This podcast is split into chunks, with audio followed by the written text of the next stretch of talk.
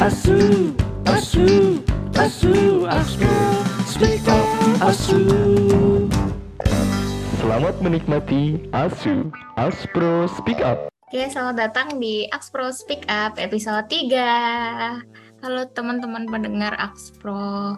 Hari ini kita mau ngobrol-ngobrol juga nih sama teman-teman Axpro dan teman-teman Adkesma terkait kuliah luring yang udah dilaksanain selama tiga bulan terakhir. Nah, untuk informasi juga buat mendengar Axpro, untuk FK UGM sendiri, untuk uh, kuliah luring kali ini tuh udah dilaksanain sejak tahun ajaran baru atau uh, kemarin pokoknya sejak tahun ajaran baru di tahun inilah intinya gitu dan dari maba yang 2022 mereka masuk semester 1 udah langsung uh, kuliah luring dan untuk angkatan 2020 dan 2021 kemarin untuk di semester genap kita juga udah ngerasain juga kuliah bauran gitu. Mungkin buat teman-teman yang ada di room podcast Asu kali ini bisa saya hai dulu. Halo. Halo. Ya, halo, halo, halo, halo semua. Uh, mungkin kita bisa nanya-nanya dulu kali ya ke teman-teman di sini. Mungkin ke siapa nih? Ke Niko aja deh Niko. Gimana nih kamu selama tiga bulan tiga bulan ini ya tiga bulan luring ini tuh apa aja sih yang dirasain mungkin dari uh, kegiatannya, praktikumnya, terus kegiatan akademik yang ngapain aja gitu. Mungkin boleh diceritain. Aduh, kayaknya nggak ada jawaban selain satu jawaban capek. ya karena emang aku di sini angkatan 2020 ya yang mana berarti 4 semester kemarin menjalani KPM daring. Kemudian di semester 5 ini transisinya langsung ke full luring kayak gitu. Nah bagiku itu kerasa banget ke sebuah pukulan telak ya. Uh, baik fisikku, pikiran bahkan mental pun juga gitu. Karena emang aku sendiri selain akademik juga kegiatan-kegiatan UKM juga udah mulai ke metode offline atau luring kayak gitu. Jadi emang benar-benar capek kayak kita Senin sampai Jumat itu harus kuliah kuliah yang mana kelas praktikum ngelaprak Sabtu Minggu pasti selalu ada proker dari UKM kayak gitu. Jadi emang hmm ya capek ya capek itu tapi ya alhamdulillah puji Tuhan juga sampai tiga bulan ini sampai UTS mau kelar ini ya aku masih masih berjalan lancar masih oke oke aja loh masih uh, belum merasa sakit juga puji Tuhannya. Jadi ya itulah ya. Capek tapi masih bisa dihandle masih bisa diatasi kayak gitu. Oke tapi bener sih yang dibilang ini kok kayak lebih capek ke fisik ke fisik tuh terutama. Karena kan pasti kalau offline kita kalau kelas kalau dulu kan tinggal nyalain laptop gitu kan nyalain laptop join zoom gitu join webex. Sekarang emang harus yang effort yang bangun pagi kelas jam 7 terus mungkin ada nih teman-teman yang kelasnya tuh mulai setengah 7 atau jam 6.45 ya 6.45 udah mulai kelas tuh pasti harus effort banget gitu. Uh, iya kayak apa ya kayak offline tuh kita ada effort untuk mandi untuk sarapan dulu untuk perjalanan. Jujur itu rintangan paling berat sih mandi dan perjalanan. Apalagi kebanyakan kelas di FKH itu dimulai start jam 7 ya.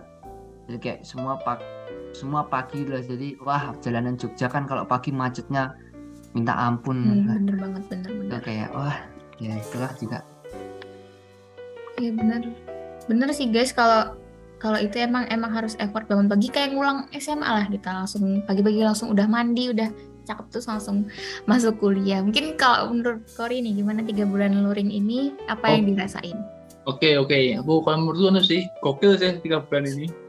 Soalnya anu ya, hari pertama kuliah itu aku langsung sakit langsung. kuliah luring tuh. Kenapa tuh? Kenapa tuh? Kenapa? Sakit sakit itu parah itu. Nggak tahu sakitnya panas panas sekali aku. Nah itu tapi untungnya bisa libur, jadi ya bisa untungnya bisa sehat.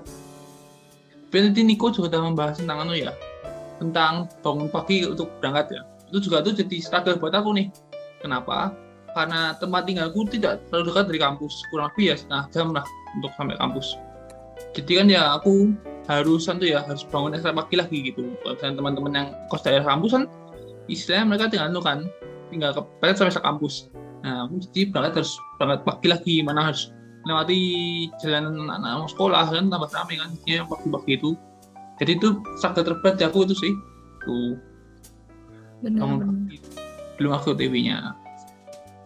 Bener sih, mungkin relate nih buat teman-teman pendengar asu atau kori terutama yang tempat tempat tinggalnya tuh jauh banget dari nggak jauh-jauh banget sih, cuma kayak jauh aja gitu ya dari eh, FKH gitu. Mungkin kan emang kalau teman-teman pendengar asu nih teman-teman domisili Jogja pasti tahu lah Jogja tuh luas gitu. Ada Sleman, ada Bantul gitu-gitu kan, ada Kulon Progo, ada mana ada mana itu pasti relate lah kalau masalah perjalanan. Apalagi kita berangkat juga bareng teman-teman yang eh, maksudnya kota pelajar kan. Makanya banyak banyak sekolah. Makanya juga jalanannya nggak begitu besar tapi masyarakatnya banyak. Makanya relate banget nih buat teman-teman. Kayak eh, macet-macet dan lain sebagainya. Oke dan mungkin kurang lebih sama ya teman-teman masalah apa ya struggle-nya kita offline gimana gitu. Mungkin semacam laporan pun sekarang eh, beralih ke offline gitu ya. Tulis tangan dan lain sebagainya. Deadline pun kita sekarang ngumpulnya juga nggak lewat eh, via elok tapi kita langsung ngumpul ke lab atau ke rak asisten gitu. Jadi kayak sekarang tuh bener-bener yang udah langsung offline gitu. Kayak bener-bener langsung nggak ada transisinya tapi tiba-tiba langsung offline. Dan itu bagi sebagian besar teman-teman FKH terutama itu ngerasa banget uh, perbedaannya gitu kita ketika online. Nah mungkin nih mungkin aku mau tanya juga nih dari siapa ya Bintang. Nah mungkin ada nggak sih menurutmu kayak uh, tadi kan udah tuh dijelasin kayak struggle-nya gimana. Mungkin dari Bintang ada nggak sih kayak keluh kesahnya selama kuliah offline ini apa? Mungkin ada yang kurang kah atau dari ke apa sarpras ya yang kita sebut sarpras saat sarpras saat kuliah luring ini seperti apa atau eh, wifi masalah wifi dan lain sebagainya boleh banget nih bintang diceritain Wah, kalau ini jujur makasih banget ya udah ngasih kesempatan buat sedikit cerita dan sambat ya. Mungkin kalau tadi aku dengar dari teman-teman ya kayak Niko dan Kori itu struggle-nya ada di perjalanan, ada di ya harus effort mandi.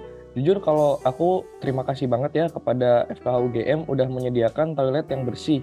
Karena aku eh, jujur aku tiga bulan belakangan ini selama kuliah offline sering mandi di FKH UGM gitu dan ya alhamdulillahnya ya maksudku itu sangat mengefisienkan waktu gitu. Jadi aku tinggal bangun bawa sabun, sampo sama peralatan mandinya eh, tinggal mandi gitu loh di di WC-nya FKUGM. Terima kasih sebelumnya FKUGM. Saya Eh, bentar. Bob, emang kamu pernah kelas Bob? Nah, ini yang menjadi permasalahan. Kadang saya mandinya kelamaan kan. Tahu nggak lamanya gara-gara apa, guys? apa tuh Ini dia. Apa tuh? Bin?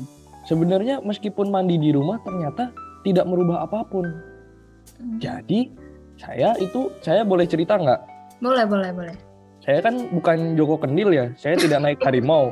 Saya naiknya Jupiter kacau. Nah, jadi saya berjalan berjalan, parkirannya jauh. Hmm. Nah, itu Oktita. Jadi aku tidak bisa, wah, aku harus gercep nih, aku harus gercep nih. Tapi tetap aja, bro. Mau segercep-gercepnya Anda, kalau parkirannya jauh, buat apa Anda gercep, bro? Gitu sih kalau dari aku. Keresahannya, wah resah banget. Tapi terima kasih FKUGM, WC-nya WC-nya bagus, aku bisa mandi. Kasih. Yeay. boleh nih buat temen-temen yang kayaknya kalau eh, apa nggak sempet mandi boleh bisa sih mandi di FK karena emang aku akui juga bersih gitu loh bersih cuma menurutku ya aku sebagai perempuan nih mungkin ada adik Naila juga sepertinya di sini mungkin merasakan gitu kalau kamar mandi FKH kalau udah sore atau lagi mendung atau kan akhir-akhirnya sering hujan ya itu tuh lampunya sering mati terus tuh kayak iya itu tuh kayak ini jadi gelap gitu loh kayak ini mau ngelapnya gimana mau nyiramnya gimana itu gelap banget sumpah. Ih masa UKT ratusan mahasiswa nggak bisa buat beli lampu? iya makanya cuma beli lampu. Jangankan lampu toilet bin bidil atau Nikolaus. Kalian juga harus tahu. Aku mungkin teman-teman eh mungkin Niko nih ini ya. Niko kan nonis ya teman-teman kalau sholat ya Wah, mungkin teman-teman yang sholat sholat ini sobat-sobat muslim pasti juga merasakan gitu. Kalau sholat asar lagi hujan pasti juga gelap ya kan? Gelap karena itu lampunya mati padahal lampunya itu ada delapan. Aku ngitung itu lampunya delapan tapi aduh gelap banget. Terus masalah parkiran itu bener banget sih. Mungkin dari siapa ya? Naila atau Azam atau Kori atau Niko juga bahkan yang teman-teman pasti naik motor kan atau naik kendaraan itu pasti menyita waktu banget gitu. Menyita waktu banget jalan effort lah, effort jalan dari parkiran. Apalagi parkiran agro tuh ada dua ya, ada dua bawah sama atas kan. Nah kalau yang bawah penuh itu kan pasti kita naik ke atas. Nah itu jalannya lebih effort lagi gitu loh. Effort pula kita turun ke bawah, effort pula kalau lagi penuh. Teman-teman ngerasain gak sih? Bintang ngerasain gak sih kalau misalkan naik motor, kamu parkir di parkiran agro yang atas, kalau lagi hari apa itu ramai banget sampai kayak mereka tuh ya kan ya kan Bin ya umpel-umpelan banget ya sih kayak Ya, mau umpel-umpelan kadang kita mau parkirin motor aja kayak susah gitu loh iya susah Paham gak sih? terlebih Kayak- lagi yang bawa motor-motor gede kayak ya motor gede kayak Harley gitu kan kasihan Waduh, enggak dong, enggak dong. Oh Paling iya, enggak ya. PCX ya, kita paling di PCX gitu. Itu ngerasain banget susah banget guys parkirannya karena gabung sama per perikanan juga, makanya ini banget gitu. Terus aku setuju sih, mungkin mungkin Niko atau Kori atau siapa pun di sini juga setuju lah. Masalah itu kayak pasti umpuk-umpukan dan tapi ya sih kayak effort dan padahal kita punya lapangan luas gitu loh untuk parkiran kenapa enggak gitu loh mungkin aku mau tanya sih berhubung di sini juga ada teman-teman dari Adkesma ya kayak aku bilang di awal tadi mungkin dari adik Naila nih bisa dijelasin mungkin kenapa kenapa ya parkiran kita tuh jauh gitu kenapa harus di agro gitu mungkin teman-teman Adkesma atau mungkin dari Naila bisa kasih jawaban gitu Oke. Eh, halo Mbak Oktet, jadi aku juga setuju banget tentang parkiran kita yang hmm, cukup menyita waktu ya dan hubungannya tuh karena kita udah jalan jauh jadinya kita udah mandi dari rumah terus malah keringetan lagi gitu. Nah, kan kita juga seperti yang kita ketahui nih di FKH juga punya lahan yang cukup luas ya di belakang yang eh, bisa sih sebenarnya dipakai sebagai parkiran gitu. Tapi mungkin seperti yang teman-teman ketahui nih, kalau kita lihat di sana tuh ada kayak spanduk gitu loh tulisannya eh, tentang SK rektor sama wakil rektor mengenai eh, parkiran yang dikhususkan untuk eh, dosen dan tendik kayak gitu. Nah, tapi mungkin dari aku juga mm, masih masih apa ya mungkin kita juga masih bisa menelaah lagi nih mengenai eh, esensi dari spanduk itu gitu. Sebenarnya kita eh, bisa nggak sih eh, parkir di situ juga? Apakah itu hanya untuk dosen dan tendik atau kayak gimana? Karena seperti yang kita lihat juga eh, parkirannya kan masih bisa difungsikan juga kan buat mahasiswa karena kalau kita harus di kantong itu benar-benar jauh banget ke kita. Nah untuk hal-hal yang kayak gini sebenarnya tuh kita bisa banget diobrolin ke ke dekanat gitu ke wakil dekan. Kayak kita bisa ngobrol sama mereka. Sebenarnya eh, kenapa sih kayak eh, kita tuh kayak eh, ada peraturan kayak gitu gitu apakah itu relevan juga untuk diterapkan di Fakultas Kedokteran Hewan apalagi eh, parkirannya juga cukup jauh gitu kalau dari kantong parkir Nah, itu sebenarnya kita bisa banget kalau mau tanya langsung gitu. Kita bisa soanin ke mereka.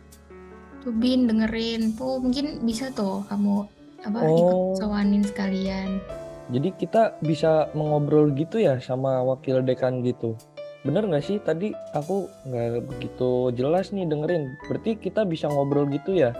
Harusnya bisa sih, Pin. harusnya harusnya bisa. oh gitu. Wah berarti harusnya banyak dong yang bisa kita obrolin. Bener nggak sih? Iya iya nggak sih? gimana? Tuh? Iya, Mas Bintang kayak eh, nggak cuma tentang parkiran sebenarnya, tentang eh, keresahan-keresahan yang tadi Mbak Oktet dan Mas Niko, Mas Kori, Mas Bintang udah sebutin tuh kayak sebenarnya itu tuh bisa banget eh, buat diobrolin apalagi kan kita ada kesma juga kan dari BEM. Nah, itu tuh kita siap mendengar teman-teman, kita juga siap menyampaikan eh, ke jajaran dekanat gitu mengenai keresahan-keresahan yang dialami. Apalagi aku juga bisa relate nih sebagai angkatan 21 gitu kan. Aku juga ngerasain yang tadi Mbak Oktet bilang kayak eh, toilet yang kalau udah sore tuh gelap banget. Jujur takut sih kalau udah sore-sore ke situ tuh. Udah gitu ada bilik yang kayak nggak bisa dipakai juga. Itu kan nggak efektif ya. Kan teman-teman jadi ngantri lama banget. Dan untuk tempat wudhu juga yang aku rasain tempat wudhu ceweknya tuh kayak kurang privacy gitu loh. Jadi mungkin aku juga pengen banget kalau itu bisa diperbaikin. Nah, oh iya Nay, boleh tuh. Oh, mungkin minta tolong buat disampaikan atau ditanyakan ke Bapak Ibu wakil wakil apa ya wakil mahasiswa yang sekarang memangku kebijakan di dekanat kayak gitu. Nah, walaupun aku gak relate nih sama apa tadi ker, apa keresahan teman-teman mengenai parkir. Soalnya kan aku emang kalau ke kampus naik helikopter ya. Jadi ya. Nggak lain ini emang anak ini. Enggak, enggak guys. Aku relate banget kok masalah parkiran motor tuh ya. Eh jujur capek banget ya. Udah bangun pagi, harus parkiran jauh kayak gitu, jalan ke kampus. Dan mana kebanyakan kelas angkatan 20 itu ada di lantai 3, ada di 301 atau seminar 1 atau seminar 2 kayak gitu, Cek. Udah jalan jauh dari parkiran, harus naik ke lantai 3. Wah, menggoh-menggoh tenan luhur, lur. Nah, itu kayak kerasa banget loh. Dan mungkin kalau mau nambah parkiran ya kalau kita mengu- mengutip lagu Palapa ke teman-teman tahu panas dan hujan tak mengalami kami yaitu Hmm. lagu Palapa menurutku West Brong teman-teman. Bayangin kalau misal kita berangkat hujan nih parkir di kantong kita ke kantong ke kita jalan dari kantong ke kampus itu basah lur. Itu, iya sih. itu sangat menghalangi kami loh kayak kita niatnya mau kuliah mau praktikum tapi malah basah loh aduh ya piye ya mungkin kalau bisa diganti lagi lagu palapa itu eh panas dan hujan tak menghalangi kami diganti aja tuh kantong parkir menghalangi kami Weh. boleh, boleh. Nanti kita nggak boleh nggak dapat scan nanti, nggak dapat scan kalau telat nanti. aduh Aduh, kan repot. Harus lewat akademik juga kita nanti ujung-ujungnya. Iya. Kalau Nah, itu lagi masalah lagi. masalah apa namanya? Itu yang buat ganti scan itu. iya nah tuh. Itu juga yang patut dipertanyain sih teman-teman mungkin Naila ya di sini ya. Kalau teman-teman FKH tahu kita punya sebenarnya punya lahan parkir dua ya. Yang satu itu parkiran sebelah masjid dan yang satu parkiran belakang atau biasanya teman-teman sebut parkiran lama kayak gitu. Nah ini sebenarnya udah kejadian juga di awal-awal perkuliahan ya. Banyak teman-teman mahasiswa yang parkir di parkiran lama. Kemudian eh, nggak nggak nggak nggak selang lama nggak setelah lama eh, bapak-bapak SKKK ya atau bapak pemangku pemangku apa ya mungkin koordinator perkap keamanan eh, membuat kebijakan nih. Eh, bahwa parkiran lama ditutup dan diberi tulisan tegas itu. Mahasiswa tidak tidak boleh parkir di sini atau kasarannya ini hanya untuk parkiran dosen teknik lah kayak gitu. Nah itu sih aku titip pertanyaan itu yang mungkin kalau emang so ada sowan ke dekanat itu. Terus mungkin kedua masih parkiran coba teman-teman menengok ke kampus-kampus tetangga kampus-kampus sebelah deh. Oke aku paham emang ada peraturan wakil rektor mengenai parkiran itu. Tapi kok ada kampus-kampus sebelah yang bisa parkir di dalam kampusnya? Ya nggak usah jauh-jauh lah kampus tetangga kita peternakan. Terus banyak juga ya hukum visipol dan lain-lain. Itu bisa parkir di dalam kampus sih loh. Terus sebenarnya apakah peraturan wakil rektor ini masih berlaku atau gimana maksudnya kok kampus-kampus sebelah masih bisa parkir di dalam kayak gitu sih Benar-benar, iya sih. Maksudku kayak aku ngerti sih maksudnya Niko. Mungkin apa ya, kayak lebih ke implementasinya sekarang gitu loh kan.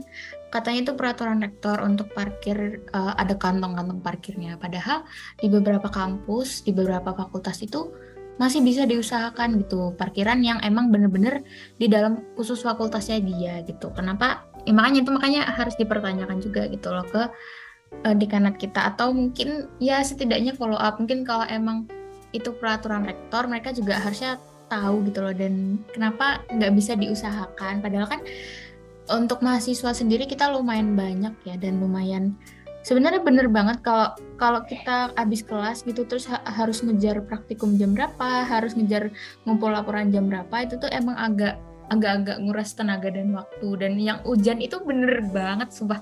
Bener banget dan itu baru kejadian tadi guys. Aku juga ngerasain Eh, malah apa ya aku tuh dari kampus mau ke kantong agro tuh malah basah gitu loh gara-gara gara-gara hujan gitu ya. Emang kebantu dikit sih kebantu dikit jalanan itu ada kanopinya gitu ada kanopinya. Kalau teman-teman tahu di diagnostik itu di belakang ada kanopinya emang kebantu. Cuma kayak "Hah, sama aja jalannya agak jauh effort dan ya gitulah pokoknya gitu. Setuju banget. Mungkin nih dari siapa ya? Mungkin Naila tadi. Naila udah jawab juga terkait uh, kantong parkir dan sebagainya. Mungkin kalau dari teman-teman 21 sendi- angkatan 2021 nih kebetulan kamu paling ini sih paling bungsu di sini. Mungkin ada nggak sih keluh kesah lain gitu yang dikeluhkan di angkatan kalian kayak gitu? Oke, sebenarnya secara umum tuh yang kita rasain tuh sama ya kayak Mas Mbak 20 karena kita kan juga sama-sama udah ngerasain kuliah online terus di akhir-akhir semester genap kemarin kita ngerasain kuliah bauran. Terus sekarang kita full offline atau full luring tuh kayak ya yang jelas sama-sama kerasa capek lah menurutku hmm, permasalahannya juga general aja ya mungkin seputar kampus juga sih kayak kan sekarang kita ngerasain berkuliah dengan fasilitas yang lengkap gitu dibanding pas online kemarin. Nah, Hmm, betul. Kemarin tuh aku juga lihat kalau di FKH tuh ada uh, sport center gitu dan itu juga pasti udah dikenalin dong pas kita PPSMB kemarin dan akhirnya ketika kuliahnya udah luring kita bisa ngelihat langsung nih yang namanya sport center ini tapi sayangnya selama tiga bulan aku kuliah luring aku belum pernah ngerasain uh, manfaat dari sport center ini sendiri gitu mungkin aku juga penasaran ya kayak sebenarnya sport center ini kapan sih bisa dibuka buat teman-teman mahasiswa gitu Bener sih, bener banget. Iya sih, kalian ngerasa nggak sih buat teman-teman di sini lah, di sini teman-teman FKH semua ya. Kayak waktu PPSMB kita banyak dikenalin nggak sih kayak itu salah satunya tadi Nela bilang sport center, terus ada coworking space gitu-gitu nggak sih? Kayak tapi kenapa nggak dibuka-buka gitu? Bener nggak nih? Bener nggak? Bener nggak? Oh, sabar, sabar. Sport center itu ada. Kita tuh sering lihat. Kalian kalian cuman nggak sadar aja. Kalian Gimana tuh, Bob? Gimana, Bob? Eh. Bob? Bu, Bu Hari, inget nggak waktu kita mau ke praktikum naik lift? Itu sport centernya di sana, bro. Oh. Meja bingung tuh, Bob. Iya. Aduh, tuh mah temenku dengan SMS itu. Waduh, Aduh. Kasihan ada SMS Pak siapa itu. itu sport centernya tuh di sana. Oh. Kan banyak tuh host, host. Nah, itu lagi sport center. Itulah sport ya. center ya. Nah, itu namanya olahraga tuh. Atau, Iya. a- atau ada sepeda di tengah-tengah itu ada sepeda atau atau ada sepeda sama trepel. Oh iya ya. Yang terus selalu, selalu dilipat itu. Oh. Iya. Eh tapi emang emang di situ ya sport centernya ya, Nay? Oh bukan dong, kan sport center kita kan malah deket sama parkiran dosenan tendik yang tadi kita omongin di awal. Oh. Oh, Kita nggak di- pernah parkir situ sih ya, makanya kita nggak tahu nggak Di sih. belakang itu ya, di belakang itu ya. Iya kayaknya. Soalnya aku Hmm. aku nggak pernah parkir di situ sih sejak ditutup itu pakai beton itu kan, pakai apa? Kursi besi. kursi beton itu. Iya, Aku jadi nggak pernah ini lagi, nggak nggak tahu. Maksudnya nggak bisa ekspor juga. Aku juga taunya yang itu yang ada meja pingpong. Ternyata di belakang Hmm. sih. Iya, itu sport center tuh ada jati satu sama coworking space itu loh. Hmm. Nah, Ini aku pernah dengar juga ya masalah coworking space itu tuh coworking space itu beda penge- ada pengelolanya sendiri. Jadi yang apa ya SKKK sama perkap itu nggak megang kuncinya gitu loh. Jadi emang buat coworking itu ada pengelolanya sendiri. Nah itu maksudnya kalau emang oh, itu bisa tuh apa? Maksudku bisa tuh disuanin juga.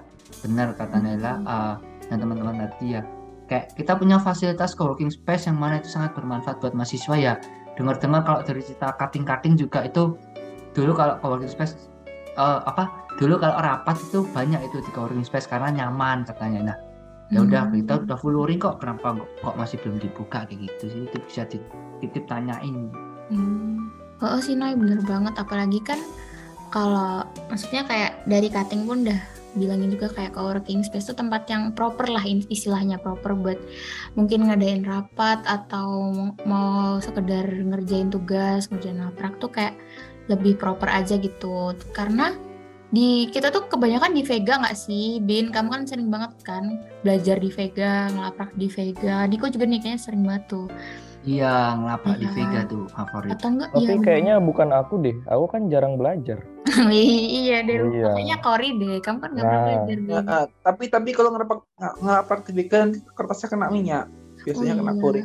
Oh, bener banget guys, soalnya apa ya, kayak di Vega pun ya, maksudnya kayak eh, di Vega pun dikit gitu loh kursinya ya nggak sih? Padahal mahasiswanya sebejibun itu kursinya dikit, gak maksudnya dikit dalam artian kayak gimana ya? Dalam artian kayak masa mahasiswa sebanyak itu kursinya cuma segitu gitu loh. Kadang rebutan juga, pada sering rebutan kursi di Vega nggak sih? Iya kurang kurang ini nggak sih Iya. Ted kayak kurang apa ya kurang proper gitu ya Iya. oke tempat untuk tempatnya proper tapi untuk kuantitasnya dibandingkan dengan jumlah mahasiswanya tidak sebanding lah. Ya betul, Setu- setuju banget aku masalah itu juga. Dan ya itu salah satunya juga nggak nggak apa namanya nggak proper juga itu. Terus apa ya mungkin apa ya mungkin teman-teman pada nugas atau belajar di Vega juga karena sekalian makan gitu ya boleh makan gitu-gitu kan. Soalnya di sekre nggak boleh. Nah ini juga nih sekre. Sekre gimana nih Bu Kori? Bisa komen nggak nih tentang sekre kita? Sekre kita ya Sek kita sebenarnya asik untuk berkumpul tapi anu sayangnya itu sempit. Kadang tuh kita beramai-ramai di sekre tidak dapat tempat duduk jadinya ya itu paling nanti ada yang berdiri ada yang duduk. Hmm. tapi, tapi kalau sih. Oke kayak gimana gimana? Nah, itu makanya itu tadi masalahnya sekretnya kurang lebar, kurang lebar sih menurutku ya. Bisa dilihat dari teman-teman kadang kadang tuh mau masuk sekre kan? Masuk sekre tapi membuat ngerjain tugas tapi oh, rame. Wah gak jadi jadinya Oh, jadi, jadi gitu.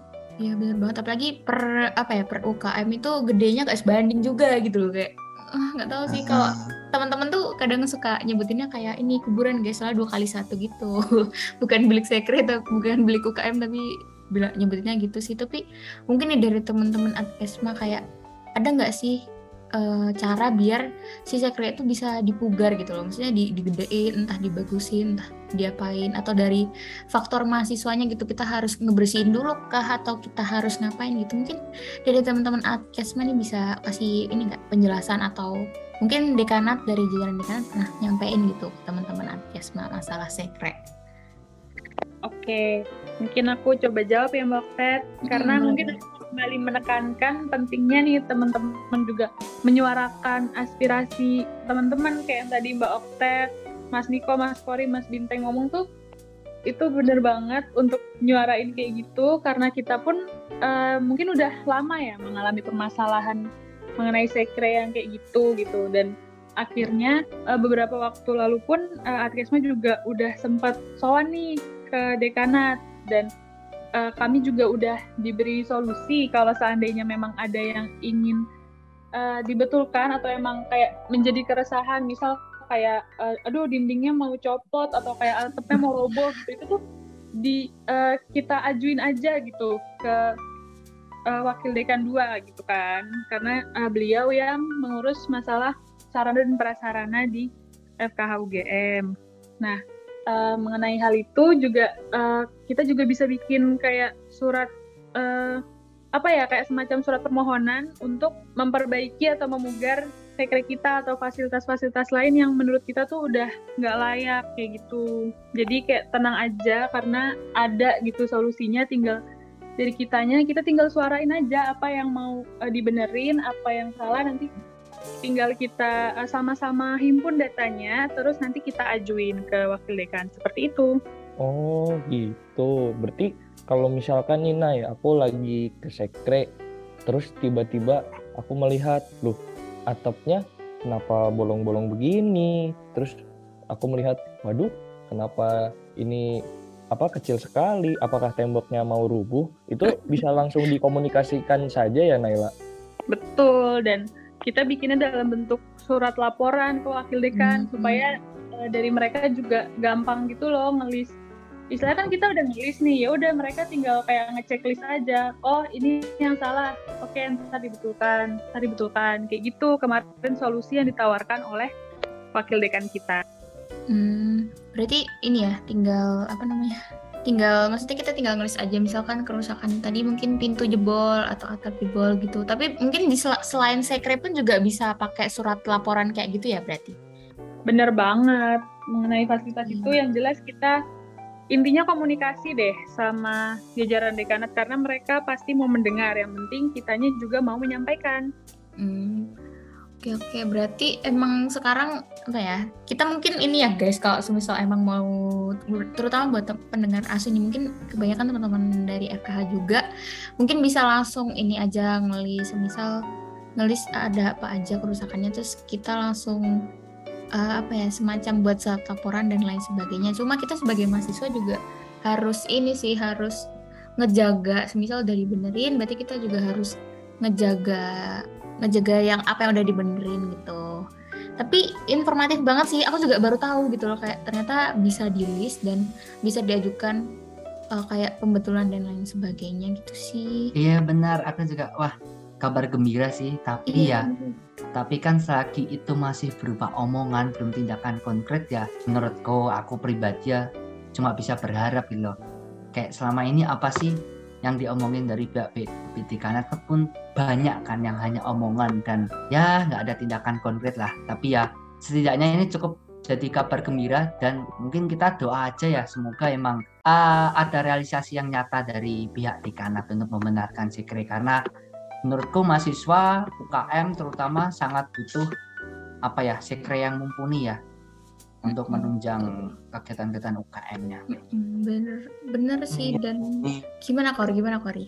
Oh iya, amin. Aku cuma ngambilin omongan sekolah. Oke bener sih. Dan ini tadi aku kepikiran satu hal juga cuma lupa guys. Cuma aku lupa tapi ya sih dan aku setuju sama Niko. Kayak ini juga kabar baik tapi alangkah lebih baiknya lagi gitu ya. Kayak selain emang direalisasikan nggak cuma ngelis ngelis juga habis itu di listo jadi timbunan list gitu enggak tapi eh, dari pihak dekanat juga bisa merealisasikan gitu. Karena apa ya offline juga kan. Harusnya mereka prepare gak sih? Maksud, maksudku gini loh kayak emang mau offline dari maksudnya udah ada kebijakan dari UGM juga mau ngejalanin offline Eh, menurutku mau nggak mau dari setiap fakultas pun juga harus apa ya menyiapkan kampusnya gitu. Menyiapkan kampusnya tuh untuk benar-benar bisa sesuai gitu dengan kegiatan Wuring sekarang. Mungkin dari sekre mungkin sarpras selain dari sekre itu ya mungkin sekre itu ya kayak masalah paling yang terup itu karena kita sering banget gitu main ke sana kayak tahulah gimana bentukan sekre kita besarnya seperti apa dan lain sebagainya. Dan ya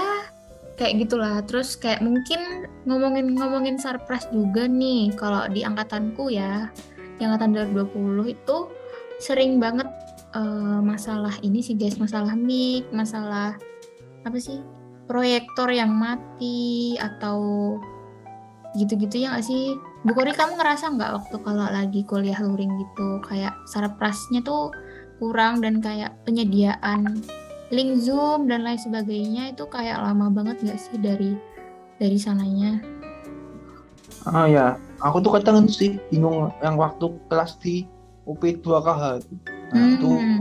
itu modelnya gimana kurang paham aku karena itu kan sebenarnya itu kan kelasnya pisahan dari ke- kita kebagi itu yang Oh, iya. buangannya tuh kita masuk ke, ke UP 2KH ya. Mm-mm. Nah itu di sana kelasnya menurutku anu sih eh kecil bisu kayak suaranya kayak kemarin tuh aku dari sana tuh suaranya nggak jelas itu kadang-kadang kadang nggak gitu sih. Ya sih bener-bener setuju banget nih apalagi yang satu kelas tapi karena satu kelas itu nggak cukup ya kursinya akhirnya dipecah jadi dua kelas terus yang satu tuh harus pakai zoom gitu. Dan mungkin dari dosennya mungkin beliau-beliau ini lupa kalau satu tuh ada yang pakai zoom gitu. Jadi kadang micnya nggak nggak kepake ataupun malah micnya mati dan kayak nggak ada prepare yang benar-benar gercep gitu. Mungkin selain itu nih selain tadi masalah sekre parkiran banyak banget ya kita udah bahas banyak banget. Sekre parkiran sarpras mungkin dari teman-teman ada nggak sih keluh kesah yang menurut teman-teman tuh ini kayak perlu juga perlu segera ditangani gitu mungkin dari Niko ada nggak nih dari kamu Oke, aku ada sih dan tadi udah disinggung sama Oktet sama Kori ya. Perkuliahan luring yang gak jelas. Mungkin aku secara ma- sebagai mahasiswa dan teman-teman juga memahami lah emang kondisi transisi kayak gitu. Kondisi transisi dari daring menuju luring. Eh banyak harus mulai dari nolnya, banyak yang harus dibenerin lagi, banyak harus menye- yang harus disesuaikan lagi. Oke, oke mahasiswa paham gitu. Tapi eh, menurutku ini udah bat, udah apa ya udah lebih dari batas memahami kayak gitu loh tadi udah disinggung mengenai perkuliahan luring yang kelas ya kelas. Jadi oh ya di sini mungkin benar asu bukan hanya dari Fakultas Kedokteran aja ya, bisa jadi banyak di luar teman-teman apa banyak yang dari luar FK. Untuk FK sendiri perkuliahan luring tahun ini semester ini itu ada berbagai jenis bukan berbagai jenisnya berbagai metode kayak gitu. Ada yang full luring di satu ruangan ada yang harus dibagi menjadi dua ruangan kayak gitu. Jadi yang satu mendengarkan secara langsung penjelasan dosen tapi yang satu ruangan lagi hanya menonton lewat zoom gitu. Jadi yang satu ruangan ada dosen ini ditayangkan lewat zoom kemudian yang tidak kebagian di ruangan secara langsung ini hanya menonton lewat zoom kayak gitu. Nah menurutku ini yang jadi selama ini jadi keresahanku banget ya. Karena aku juga emang selalu kebagian yang kelas nonton zoom karena aku bukan Iya. bukan orang pagi gitu bukan yang orang dapat kelas secara langsung kayak gitu. Kalau eh, mungkin kalau pihak dekanat mendengar ini dan pihak dekanat menyalahkan aku kok nggak berangkat pagi ya maaf pak aku marah besar gitu karena bapak ibu sedang bikin kebijakan kayak gini loh. Menyediakan dua ruang satu hanya menonton zoom. Satu deh dengan dibagi dua kelas ini menurutku pun itu sudah sangat aneh ya. Kalau emang mengadakan kebijakan full ya udah. Disiapkanlah kelasnya ruangannya. Disiapkan ruangan yang memadai untuk menampung 200-an mahasiswa kayak gitu. Lagian aneh juga eh, apa ya sebuah kampus tidak punya ruangan yang memuat atau memadai full mahasiswa satu angkatan kayak gitu. Itu sudah aneh itu tapi oke situ di situ masih dipahami lah. Kita masih menerima kalau harus beda kelas harus dibagi dua kelas. Nah masalah kedua ini yang menurutku udah nggak bisa dipahamin nggak dan nggak bisa ditolerir toleransi lagi ya. Tadi udah tahu kita harus dibagi ke menjadi dua kelas dan yang menjadi masalah ini kelas yang nonton zoom gitu. Sejauh ini yang aku ikutin kelas banyak banget kelas yang katakan misal mulai jam 7 jam 7.30 kelas yang nonton zoom ini baru siap gitu loh. Hmm. bapak-bapak teknik ini baru selesai menyiapkan zoomnya, mic-nya, audionya dan lain-lain itu baru selesai 7.30 gimana kita bisa ngikuti kelas kalau kita udah telat 30 menit kayak gitu loh? Hmm, betul betul betul. itu eh, itu nggak bisa aku toleransi ya. Oke oke kalau nggak ada ruangan oke.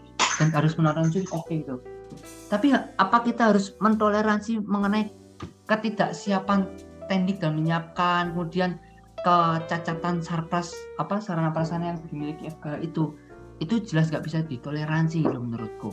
Sekadar sarana prasarana itu kan hanya di eh, apa ya cukup dibenarkan atau mungkin alhamdulillah kalau bisa beli baru gitu loh. Iya, apa betul, susahnya gitu loh. Itu kayak sebenarnya itu bisa didominoin lagi ya kalau emang bapak-bapak teknik butuh waktu lama untuk menyiapkan ya udah berarti bapak-bapak bapak teknik harus menyiapkan lebih pagi kayak gitu. Kalau katakan kita kelas jam 7 ya bapak-bapak teknik sudah menyiapkan dari setengah 7 gitu loh. Atau lagi kalau emang jam 7 itu bapak, bapak apa eh, pihak dekanat bilang jam kerja dosen teknik mulai jam 7 ya udah kalau gitu nggak usah adain apa nggak usah bikin jadwal kelas jam 7 dong. Iya. kepagian. Bukan Setuju, kebagian buat mahasiswa saja tapi kebagian buat teknikmu sendiri loh Hmm, betul. mungkin teman-teman 20 juga tahu ya kemarin sempat ada kejadian ya yang Iya. kita kelas MIBI Mm-mm. di situ bahkan dosennya sendiri marah loh ke Iya. bapak-bapak tekniknya Nah, tuh. Ingat sekali ya. dosen datang lebih pagi dari bapak-bapak teknik itu gimana ceritanya gitu Betul. Nah, itu loh maksudnya eh, mengenai kegakjelasan perkuliahan luring itu dari aku itu sangat menjadi resah banget ya. Dari sisi kelas aja deh itu. Udah Ya. nggak jelas itu sih. Bener banget. Dan sebenarnya tuh nggak cuma kasihan mahasiswa, tapi kasihan dosen juga gitu. Karena ya aku aku juga ada di kelas itu teman-teman. Kebetulan aku ada di kelas itu. Dan apa ya aku juga ngerasain oh ternyata ini tuh gak hanya berdampak pada mahasiswa aja, tapi bisa juga berdampak pada dosen-dosen yang lagi mau ngajar gitu. Mungkin ini juga bisa menjadi perhatian dan mungkin kita titipin banget ke teman-teman Atiasma mungkin sebagai eh, penghubung ke dekanat juga untuk apa ya eh, menyampaikan hal ini gitu tapi eh, ini deh eh, tadi kan banyak banget ya banyak banget kayak keluh kesah dari kita tuh masalah tadi sarpras, masalah kantin, masalah sekre dan lain sebagainya mungkin gimana sih gitu loh. Maksudnya kayak gimana sih teman-teman adkesma nih nyaring nyaring keluh kesah teman-teman biar bisa dibawa langsung ke ini ke dekanat tuh gimana tuh kira-kira? Ada ada acara apa gitu? Mungkin dari Azam nih. Iya nih, bener banget masa. Ya gimana ya? Tapi sebentar, aku mau tanya dulu. Emangnya kalau misalkan sounding gitu, kenapa nggak kita biar cepet kita kasih link Spotify kita aja, biar nanti mereka dengerin. Apa apa ada apa ada cara biar mereka dengerin selain itu? Kayak misalkan kayak ini kayak kan kita ini semua resah tau di sini, bener gak sih? Kita semua wah keluh kesah, mengumpat, merajalela, eh sorry apa ya semuanya lah pokoknya. Tapi ada nggak cara kita biar kita itu didengar gitu? Lewat apa sih? Kayak misalkan hmm, apa ya? Kalau di share link Spotify-nya bisa nggak ya? Apakah bapak-bapak pendengar yang nantinya itu punya punya Spotify Premium atau gimana nih? Aku soalnya jujur nggak tahu nih Oktet. Karena menurutku lebih efisien pakai link Spotify aja nggak sih kayak di share gitu nih lo mahasiswamu lo Ya kan, iya sih kayak Maaf JP-JP, aku jual Spotify Premium 15k aja satu bulan. oke Waduh. makasih makasih Hmm, lawak banget. Oh Iya. dan selai. ya ampun nggak gitu say malah jualan di sini. Jadi bener banget Bob. bener banget sih Bobby tadi gimana ya caranya mungkin dari teman-teman aktivis mah ada yang tahu gitu kayak kan banyak banget tuh tadi kayak kalau kesahnya nampungnya gimana aspirasi mahasiswa atau kita langsung kasih link Spotify ini aja atau kita kasih link Zoom-nya ini aja biar kita lang- bisa langsung ngobrol mungkin ada Eh, teman-teman ya tuh bener banget biar cepet gitu loh biar Biar gimana sih biar aku tuh pengen didengerin gitu loh coba gimana dong Kalem, kalem Mas Mbak sekalian. boleh Mungkin- boleh boleh Ini setelah tadi kita men, apa ya? Kita kan udah ngomongin keresahan kita nih dari pokoknya dari A sampai Z banget lah. Tadi awalnya kita cuma bahas capeknya nih kuliah luring terus kayak kita bisa jadi bahas segala permasalahan yang ada di FKH ini. Nah, kita eh, bakal didengar melalui udah paling bener melalui Spotify. Udah. Bener gak sih? Kalau beli Spotify yang premium ya karena nggak kalau nggak premium nanti putus-putus kayak barusan. Aku lanjutin aja ya. Jadi kita nih bakal didengar sama dekanat melalui hearing dekanat kayak gitu tapi nggak segampang itu buat langsung uh, marah-marah depan dekanat kayak "Eh, aku nggak suka kayak gini kayak gini kayak gini nah tenang aja kita ada serangkaian dari hearing dekanat ini yang pertama kan kita sama-sama punya keresahan ya. Nah itu kita bakal serawung dulu, kita ngumpul dulu nih teman-teman dari berbagai angkatan. Pokoknya KMFKH UGM, kita ngumpul bareng-bareng, kita serawung untuk eh, nyampein keresahan kita masing-masing. Kayak tadi kan kayak kita sekarang eh, bersegini aja udah bisa ngumpulin segitu banyaknya masalah, apalagi kalau disatuin sama teman-teman dari berbagai angkatan. Terkayak ih masalah aku kayak gini terus kayak relate relate relate gitu kan nah itu kan kita juga bisa diskusi nih sama-sama kira-kira apa sih permasalahannya terus apa sih yang bisa kita lakuin apa sih solusi dari permasalahan kita sebenarnya kayak gitu. Terus nanti setelah hmm, keresahan-keresahan kita bareng-bareng kita kumpulin dan kita udah sepakat nih kalau kita semua bisa relate sama permasalahan itu kita bisa seperti yang tadi aku udah bilang kita bisa sowan dulu ke eh, jajaran dekanat kayak Pak kayak gini gini gini kira-kira eh, apakah ada solusinya? Kayak gitu. Kalau seandainya bisa langsung selesai pada saat itu juga oke mungkin nanti kita bisa langsung sounding lagi nih ke teman-teman. Eh, kayak gini gini gini loh cara penyelesaiannya. Karena siapa tahu aja yang masalah parkiran sarana prasarana itu dengan diomongin aja langsung kayak oke besok kita eh, bangun candi gitu kan. Bisa semalam jadi gitu kan. Tapi mungkin ada juga beberapa permasalahan yang eh, nggak bisa langsung selesai nih dengan sekali ketemu. Nah itu kita juga eh, bisa diskusiin lagi dari permasalahan yang belum bisa diselesaikan itu kira-kira apa ya yang benar-benar penting banget harus eh, ini tuh permasalahan tuh harus selesai tapi kemarin pas kita uh, soan ke dekanat tuh uh, belum bisa selesai. Nah itu teman-teman ketika kita punya permasalahan yang urgent banget, tapi gak bisa selesai dengan soan, itu kita ngelaksanin yang namanya hearing dekanat. Jadi di situ teman-teman bisa ngobrol langsung, bisa uh, ngomong, bisa menyampaikan keresahannya gitu melalui hearing dekanat. Wih, itu Bob, dengerin Bob. Oh gitu. Ah, Eh, Oktet, aku jadi nggak sabar nih pengen pengen keikutan acaranya Naila tadi. Iya sama. Jadi nggak sabar deh. Iya deh. Kayak Eh tapi itu bukan acaranya Naila doang nggak sih? Itu ya acara iya Bob, gimana itu sih? Iya, iya. acara acara mahasiswa FKUGM gitu loh. Oh iya. Aku Bahkan, oh Eh, teman-teman koas yang sekarang koas juga bisa menyuara bisa bisa ikut menyampaikan juga gitu loh. Jadi ya itu acara kita KMFK bersama gitu. Oh, berarti semua boleh ikut. Semua boleh ikut, semua boleh ikut. Boleh dong. Oh, berangkat, berangkat. Kapan tuh? Iya, kira-kira kapan ya Nay untuk hearingnya itu? Jujur nggak sabar banget sih aku. Kayak Mm, ini pengen buru-buru banget gitu. Kayak, Kapan lagi itu iya. Jujur aku juga nggak sabar banget. Jadi kita nantikan aja pengumuman selanjutnya mengenai hearing dekanat karena itu kan Oke. coming soon secepatnya. Berarti kamu sun ya, oke. Siap. Pokoknya pokoknya aku udah siap mau coming soon kapan aku tinggal belang-belang saat Tinggal aku langsung- berangkat.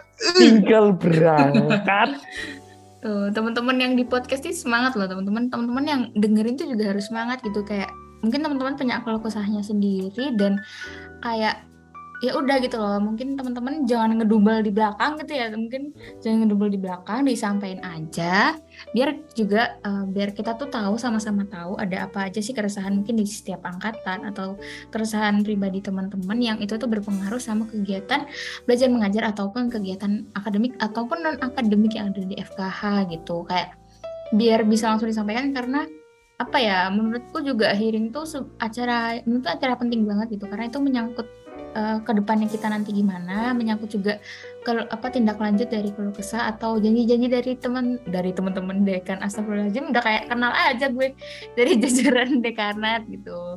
Untuk kita follow up juga atau eh, ada masalah baru nih atau ada ya mungkin keluhannya saat ini tuh lebih ke kuliah luring ya itu dan lain sebagainya tuh mungkin biar segera cepat ditangani gitu. Nggak cuma nggak cuma apa ya nggak cuma soan mungkin nggak cuma soan udah nggak cuma hearing doang yang penting tuh hasil nyatanya dari hearing. Nah, makanya nggak sabar banget gitu loh ketemu jajaran dekanat untuk ngebahas ini ya nggak sih ya nggak sih ya nggak sih?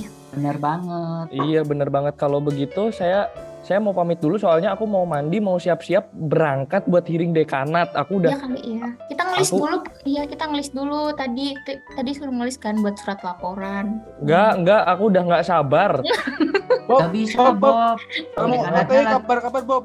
Iya. jam segini lagi lagi udah istirahat Bob, udah sepuh, gak bisa. oh iya juga ya udah deh kalau gitu aku tapi tetap aku mau mandi aku mau siap-siap berangkat bener nggak Bu Hari Iya, mandi di kampus kan? Yoi.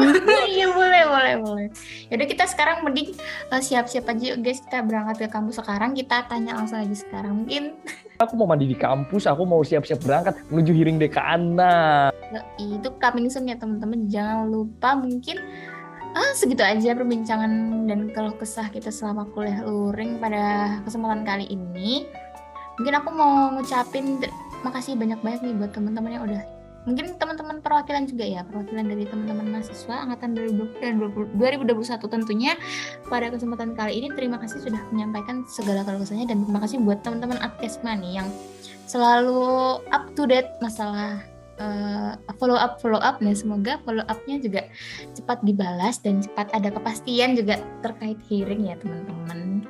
Amin. amin amin ya Allah mungkin gitu aja dari Axpro episode 3 kali ini. Semoga pro speak up yang ketiga ini bukan menjadi Axpro speak up yang terakhir ya teman-teman. Karena perbincangan pada kali ini semoga bisa tetap berlanjut dan semoga di episode selanjutnya ketika kita membahas hal yang sama mungkin sudah ada perubahan. Amin. Semua bilang amin. Amin, Amin. Oke, terima kasih teman-teman. Sa- Sampai bertemu di Ekspresi Pick Up episode selanjutnya. Dadah. sampai jumpa dadah Sampai jumpa di hearing dekanat teman-teman.